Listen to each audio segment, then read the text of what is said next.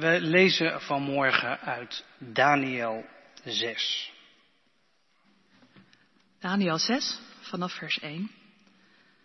Darius, de Mediër, verkreeg het koningschap. Hij was toen 62 jaar. Darius ging ertoe over 120 satrapen over het gehele koninkrijk aan te stellen. Boven hen stelde hij drie rijksbestuurders aan, van wie Daniel er één was. Aan hen moesten de satrapen rekenschap afleggen, opdat de koning geen schade zou lijden.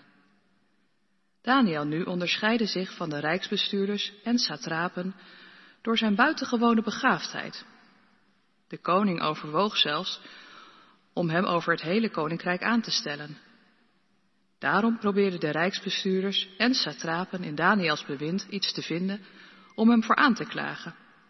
Maar zij konden geen grond voor een aanklacht vinden of hem op een misstap betrappen. Want hij was betrouwbaar en had nooit zijn plicht verzuimd of een misstap begaan. Toen zeiden die mannen, met geen mogelijkheid zullen wij deze Daniel kunnen aanklagen, tenzij we iets zoeken dat verband houdt met de wet van zijn God. Daarop richten de rijksbestuurders en satrapen zich tot de koning met een dringend verzoek. Koning Darius, leef in eeuwigheid. Alle rijksbestuurders van het koninkrijk, stadhouders en satrapen, raadsheren en gouverneurs zijn van mening dat er een koninklijk besluit moet worden uitgevaardigd, waarin wordt vastgelegd dat een ieder die de komende dertig dagen een verzoek tot een god of een mens richt in plaats van tot u, majesteit, in de leeuwenkuil zal worden geworpen. Wel nu, majesteit, vaardig dat gebod uit en stel het op schrift, zodat het niet veranderd kan worden, zoals geen enkele wet van de Mede en de Persen kan worden herroepen. Hierop stelde koning Darius het verbod op schrift. Toen Daniel hoorde van het besluit dat op schrift gesteld was, ging hij naar zijn huis. In zijn bovenvertrek had hij in de richting van Jeruzalem open vensters. Daar knielde hij neer, bad tot zijn God en prees hem, precies zoals driemaal per dag zijn gewoonte was. Maar toen drongen de mannen zijn huis binnen en troffen Daniel aan, terwijl hij tot zijn God bad en hem prees.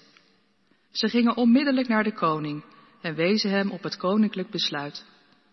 Hebt u geen verbod op schrift laten stellen dat ieder mens die de komende dertig dagen een verzoek tot een god of een mens richt in plaats van tot u, majesteit, in de leeuwenkuil zal worden geworpen?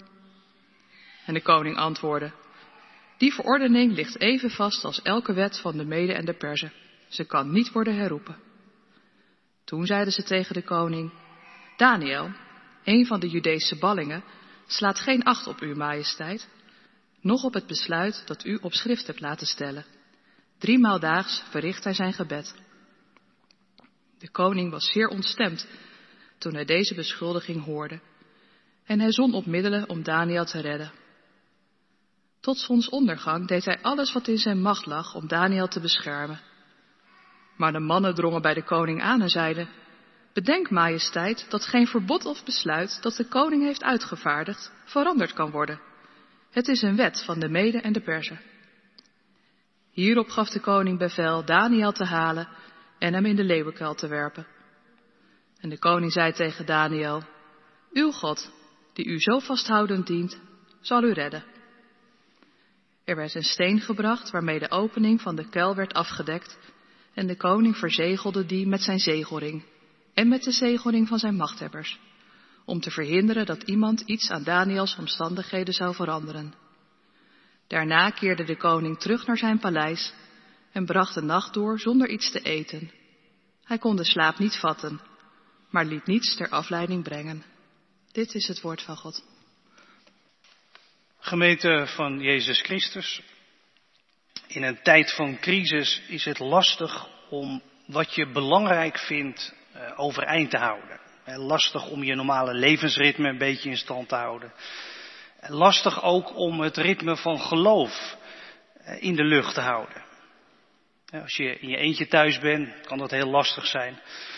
Maar ook als je met meer mensen bent, of met een gezin, om dan naast werk, thuisopvang, thuisonderwijs ook nog iets te doen met rituelen en, en geloofsoverdracht. Dat is lastig. Hopelijk komt er wat meer lucht. Als de kinderopvang en de lagere scholen weer open gaan. Maar goed, hoe het ook zit bij jou, eh, iedereen is toe aan een beetje lucht en aan een beetje perspectief. Vandaag eh, in onze crisistijd kijken we naar een verhaal uit een andere crisistijd. Even heel kort wat informatie over dit verhaal. Misschien dat het niet bij iedereen bekend is. Veel bijbelwetenschappers die, die denken dat dit verhaal is opgeschreven ergens in de tweede eeuw voor Christus. dat was ook een crisistijd voor Joodse mensen. Ze leefden toen onder Griekse overheersers die probeerden om het Joodse geloof, om de Joodse identiteit, om dat kapot te maken met grof geweld. En dit verhaal, dat toen werd opgeschreven, dat speelt zelf in een andere tijd. Het is bedoeld als troost en als bemoediging. Want het kan je helpen als je in een crisistijd leeft, om, om te kijken naar mensen uit andere tijden, die ook in een crisis zaten, om te kijken hoe zij het deden. Hè, waar zij levensmoed vandaan haalden, waar ze levensplezier vonden, waar ze overlevingscreativiteit vonden. En daarom begon iemand in die tijd dus dat verhaal te vertellen van ene Daniel. En wij luisteren in onze crisistijd mee. Het gaat zo. Lang geleden was er een jonge man, die heette Daniel. En hij leefde in een barre tijd, in de zesde eeuw voor Christus. Een tijd dat de meeste mensen van het volk van Israël waren gedeporteerd in een grote etnische zuivering uitgevoerd door de Babyloniërs. En Daniel was een van hen en hij leefde als balling in Babel. Maar met Daniel gaat het heel goed in Babel. Hij krijgt een carrière om jaloers op te worden. Eerst had hij natuurlijk een inburgeringscursus gedaan en de taal geleerd. En toen was Daniel in de politiek gegaan. Eerst bij de Babyloniërs en later bij de nieuwe regering van de Perzen. En Daniel die bereikt de top. In de nieuwe regering wordt de balling Daniel een van de drie vicepremiers die direct onder de koning staan en die de commissarissen van de koning in de provincies moeten aansturen. En Daniel, die doet het fantastisch. Dat vindt de koning ook. Maar de koning is geweldig over hem te spreken. Maar ja, als politicus maak je natuurlijk niet alleen vrienden. Je krijgt sowieso bakken kritiek over je heen natuurlijk. Dat zal toen niet anders geweest zijn dan nu. vandaag de dag zou je toch echt niet moeten willen om minister van Volksgezondheid te zijn of zo. Tjonge, jongen. Ik zou zeggen, stuur Hugo de Jonge maar een kaartje van de week. Hij woont hier op Zuid. Kaartje ter bemoediging om het vol te houden. Eh, Daniel, die, die, die maakte ook geen vrienden bij zijn collega's. Die voelen zich bedreigd door zijn succes en ze willen hem ten val brengen. En wat ze gaan doen is dit. Ze gaan hem pakken, proberen te pakken op dat wat het allerbelangrijkste voor hem is. Het, het meest heilig. Zijn geloof. Zijn toewijding aan God. Zijn religieuze rituelen. Ze gaan ervoor zorgen dat de overheid maatregelen neemt die het Daniel onmogelijk maken om zijn geloof nog in praktijk te brengen. Een algeheel verbod om je in gebed tot iets of iemand anders te richten dan de koning. Dus een religieuze lockdown voor 30 dagen. In die tijd, die cultuur, was het helemaal niet zo gek als je een gebed richtte tot een koning. En ja, de koning vond het natuurlijk ook wel mooi. Wat een eer. Maar voor Daniel is het dus een crisis. Een crisis die hem uiteindelijk in de leeuwenkuil brengt. We hebben het verhaal niet helemaal uitgelezen.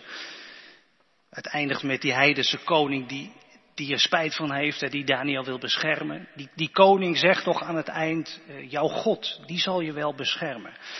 En dat is ook wat gebeurt uiteindelijk. Maar vandaag wil ik graag met jullie kijken naar, naar die crisis bij Daniel. En die doet precies wat een crisis heel vaak doet. Die pakt je op de dingen die het allerbelangrijkste zijn. En zo gaat dat bij ons ook. Je vrijheden moet je voor een groot deel inleveren. En je sociale contacten. Die beginnen eronder te lijden. Je vriendschappen, familiebanden. Je kunt niet gewoon een flinke knuffel geven aan je moeder die op leeftijd is. Geen warme huk met een goede vriend.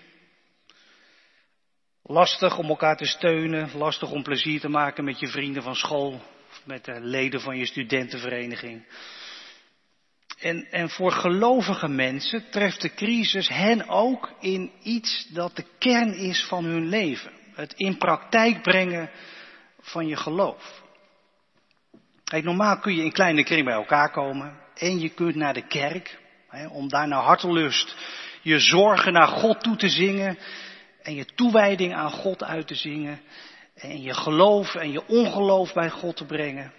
En nu moet je dat maar thuis zien te doen. En dat valt lang niet altijd mee. Want je momenten om je geloof te beleven, die staan thuis vaak onder druk. Eigenlijk net als bij Daniel, die last had van maatregelen die zelfs achter zijn voordeur van invloed zijn op, op hoe hij zijn geloof in praktijk brengt. Hoe hij contact zoekt met God.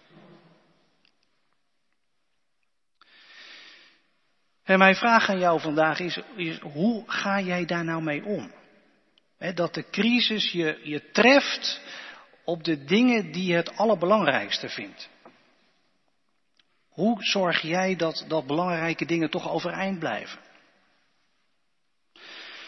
En als jij een gelovige mens bent, hoe doe jij dat dan op gelovig vlak? hoe zoek jij God? Kom je daar überhaupt nog aan toe? Nou, jullie doopouders eh, gaan straks beloven dat je thuis aan je kinderen iets gaat meegeven over het volgen van Jezus. Hoe het is om in zijn spoor te gaan. Ik, ik weet niet, hoe doen jullie dat zelf op dit moment, in, in crisistijd? Lukt dat een beetje om, om, rituelen te vinden, om, om momenten te hebben? Of als je thuis een gezin hebt, je hebt, je hebt een aantal mensen eh, rond de tafel zitten door de week. Ja, hoe doe je dat? Met z'n allen of niet? Zijn er nog momenten in je huishouden dat, dat er tijd is om contact te zoeken met God, om te luisteren naar woorden van God? Of, of wordt alles één grote brei van thuis werken, thuis bezig zijn en, en verdwijnt het, verdampt het?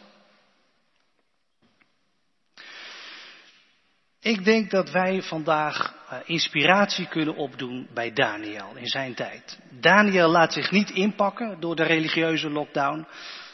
En de maatregelen van de overheid, die, die laat hij aan zijn laars. Hij gaat naar huis en vindt daar toch een vorm om, om God te dienen, om met God bezig te zijn. Nou is mijn voorstel niet om eh, maatregelen van de overheid aan ons laars te lappen. Ik bedoel, bij ons zijn het maatregelen die helemaal niet vijandig bedoeld zijn. Maar ik wil wel voorstellen om net als Daniel een, een statement te maken. Een, een nieuw commitment aan te gaan. Want de doopdienst vandaag is daar een uitstekende gelegenheid voor. Eh, straks staan hier doopouders voor in en die doen dat dan. Die leggen een belofte af. Die, die maken een statement. Die zeggen, God, wij, wij gaan ook met u eh, mee, met, met ons kind, willen wij met u leven. En ik wil iedereen vandaag uitdagen om met die doopouders eh, dat statement te maken. En een nieuw commitment uit te spreken. Net als, als Daniel dat deed. En wat kun je van Daniel leren? Nou, in elk geval drie dingen. Ruimte, richting en regelmaat. Dat, dat kun je van Daniel leren.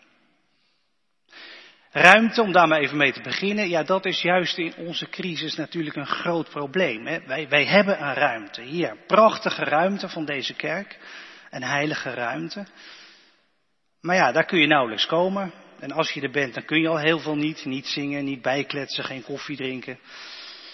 En thuis, ruimte, ja, daar is de ruimte beperkt. Die wordt opgeslokt door van alles wat je aandacht vraagt. Laten wij nou per vandaag de, de uitdaging aangaan om een nieuwe ruimte te zoeken, vrij te maken. Dat kan een fysieke ruimte zijn, ergens in huis. Een kamertje wat je even een beetje leegruimt. En waar je dan misschien één keer per dag naartoe kunt gaan om daar God te zoeken, even stil te zijn, even bidden, Bijbel lezen. Nou goed, misschien dat dat niet kan. Dat je daar niet de ruimte voor hebt. Als je student bent, dan heb je überhaupt maar één kamer natuurlijk. Dus dan valt er niet zoveel uit te ruimen. Ja, ik weet niet of jullie in studentenhuis een gemeenschappelijke ruimte hebben. Misschien kun je het daar proberen. Maar ik, ik denk ook dat het diepste probleem niet in een fysieke ruimte zit, maar, maar in een ruimte in de tijd. Je, je moet een, een, weer een kamer in de tijd uithakken die even kan functioneren als heilige plek. En ga dat doen per, per vandaag. Zoek weer een vast moment, zeker als je dat niet meer hebt, bij een maaltijd, voor het slapen gaan. Alleen, of als je huisgenoten hebt, met je huisgenoten of met je gezin. Ja, als je geen huisgenoten hebt, probeer het zelf. Maar ik zou zeggen, zoek ook gewoon een paar medereizigers. door per telefoon of online af te spreken en zoiets ook samen te doen. Ik, ik, weet, als je op een bijbelkring zit, het is heel saai om via een schermpje eh, bijbelkring te hebben. Dus ja, de verleiding is groot om maar niet meer bij elkaar te komen. Maar ik zou zeggen, ga dat weer doen als je gestopt bent. Zoek even een momentje op. Het hoeft ook niet een hele avond. Eventjes een, een heilige ruimte. Dat je elkaar kunt helpen om God te zoeken, God te vinden. Eh, deze week eh, gaan we ook een, een nieuw hulpmiddel daarvoor eh, in het leven roepen. Daar komt nog een mail over, ehm, begin van de week. We gaan een, een online kamer maken om daar met gemeenteleden een half uurtje samen te kunnen komen voor gebed. Info volgt nog. En ja, je kunt natuurlijk aanhoren de tip ruimte, maar ik, ik zou zeggen, begin daar gewoon mee. Deze week is ook een hele mooie voorbereiding op het avondmaal dat we volgende week vieren. Om weer toe te wijden aan God. Hak een ruimte in de tijd. En doe dat in elk geval op zondag, zou ik zeggen. Je had de gewoonte wellicht om op zondag altijd naar de kerk te gaan, of in elk geval met regelmaat. En nou, dat is weggevallen. Ja, wat, wat is er voor in de plaats gekomen? Ja, online diensten. Lastig, lastig om die te volgen, snap ik ook wel. Maar ik zou zeggen, maak er gewoon wat van. Als je naar die dienst zit te kijken. Ga niet in je pyjama op de bank hangen. Doe je zondagse kleren aan. Ga rechtop zitten.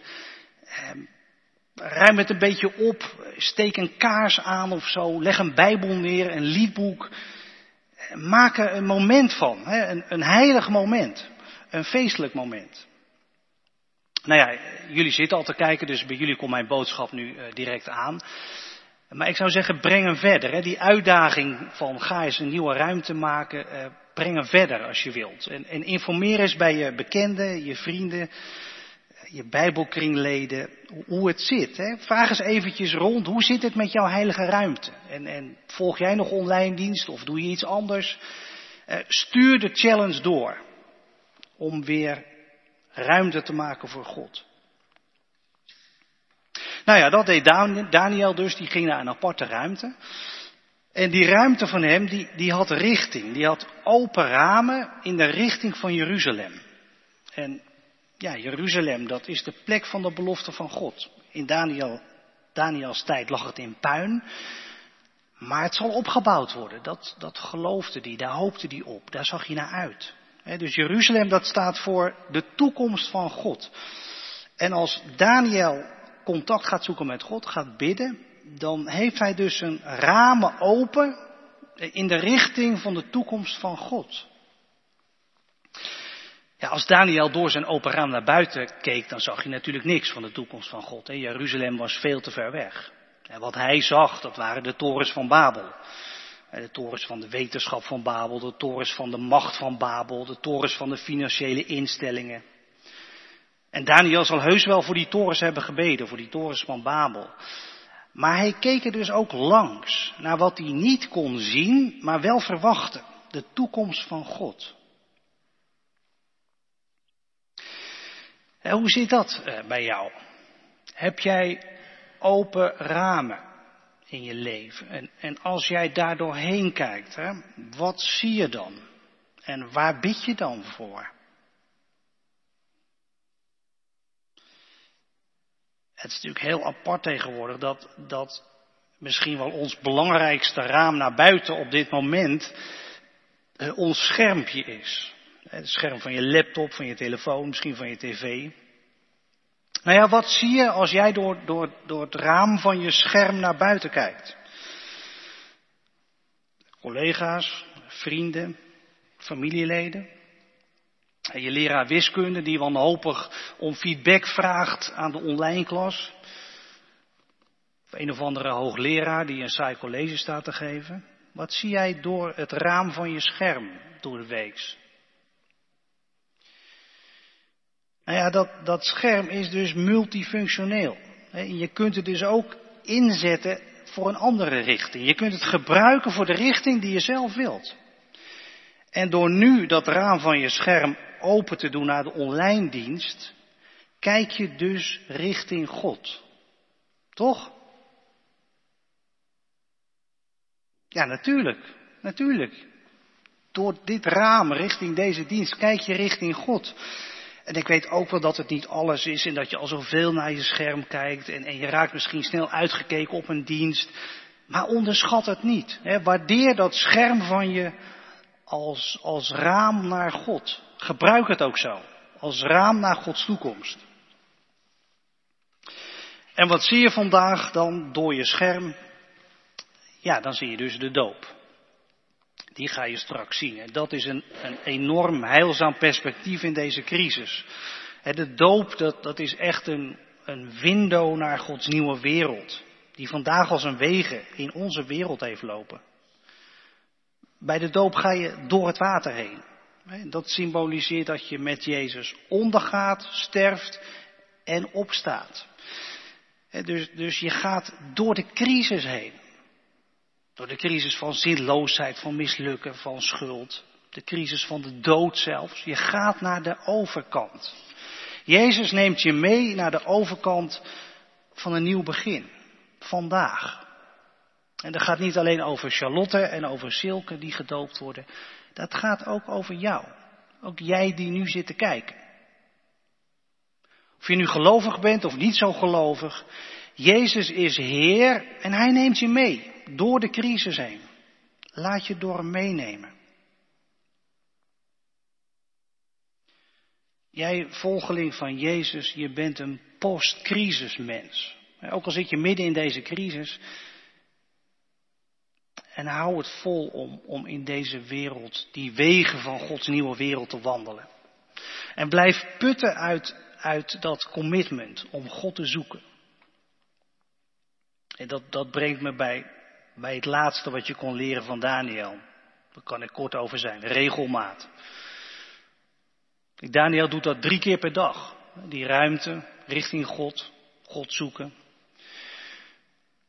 Het aantal lijkt me niet zo belangrijk, hoewel wij natuurlijk heel makkelijk drie momentjes kunnen uithakken in onze dag. Als je opstaat bij een maaltijd, als je gaat slapen, dan heb je al drie momentjes. Maar goed, de andere ritme is ook prima. Daar, daar gaat het niet om. Maar zorg voor een ritme. Nou ja, dat soort dingen kunnen wij dus leren van Daniel vandaag. En, en hoe jij het ook aanpakt, Laten wij vandaag samen met de doopouders een nieuw commitment uitspreken richting God. Ga voor ruimte, richting, regelmaat.